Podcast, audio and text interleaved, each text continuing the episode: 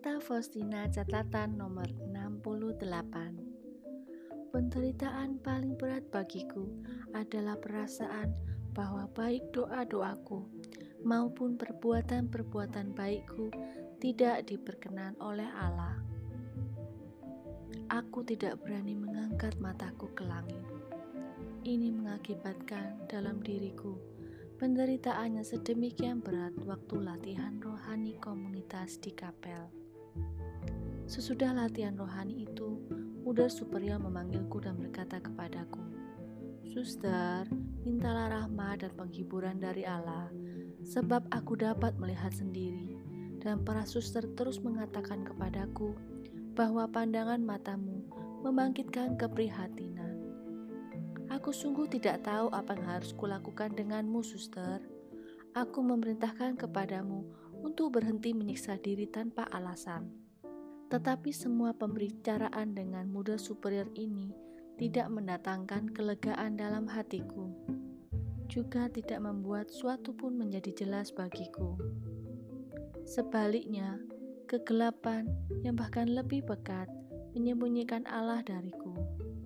Aku mencari pertolongan di kamar pengakuan, tetapi di sana pun aku tidak menemukannya.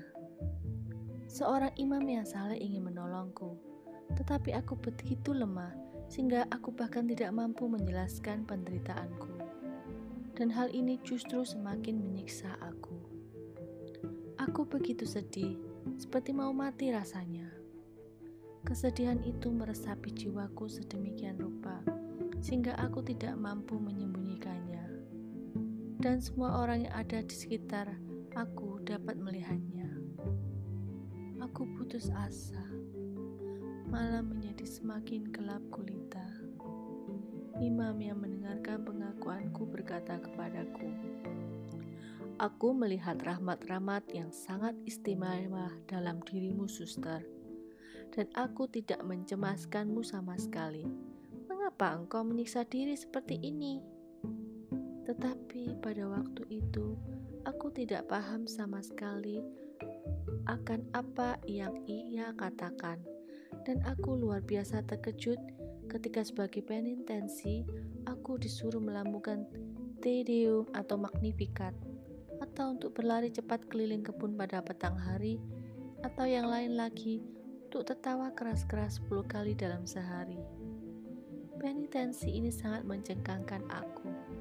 Tetapi dengan itu pun imam itu tidak mampu memberikan banyak pertolongan kepadaku. Rupanya, Allah menghendaki aku memuliakan Dia lewat penderitaan.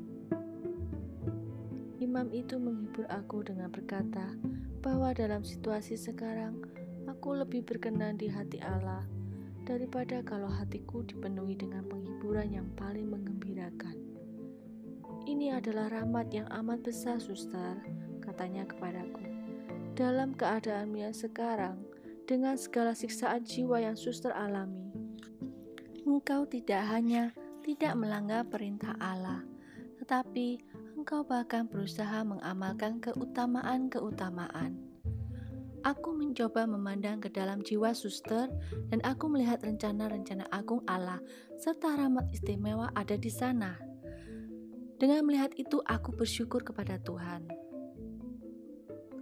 Tetapi kendati semua itu, jiwaku masih tetap tersiksa dan di tengah siksaan yang tak terberikan itu, aku meniru orang buta yang mempercayakan diri kepada bimbingannya sambil memegang tangannya erat-erat, tidak melepaskan kepatuhannya sedetik pun. Dan inilah satu-satunya jaminan keamananku dalam menghadapi cobaan yang amat berat ini. Catatan harian nomor 69 Oh Yesus, kebenaran yang kekal, kuatkanlah aku yang lemah ini. Engkau ya Tuhan, dapat melakukan segala sesuatu. Aku tahu bahwa tanpa Engkau segala usahaku akan sia-sia. Oh Yesus, janganlah Engkau menyembunyikan diri terhadapku, karena tanpa Engkau aku tidak dapat hidup. Dengarkanlah seruan jiwaku.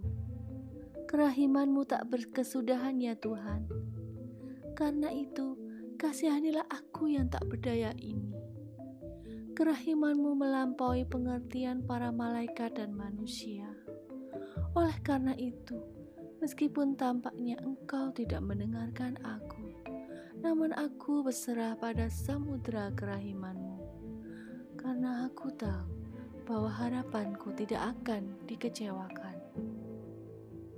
Catatan harian nomor 70 hanya Yesus yang mengetahui betapa berat dan sulit melaksanakan tugas-tugas apabila jiwa mengalami siksaan batin. Kemampuan fisik sedemikian lemah dan pikiran menjadi kabur. Dalam keheningan hatiku, aku mengulang-ulang doa ini. Oh Kristus, biarlah sukacita, hormat, dan kemuliaan menjadi milikmu dan penderitaan menjadi milikku. Aku tidak akan ketinggalan satu langkah pun di belakang, karena aku mengikuti engkau, meskipun duri-duri melukai kakiku.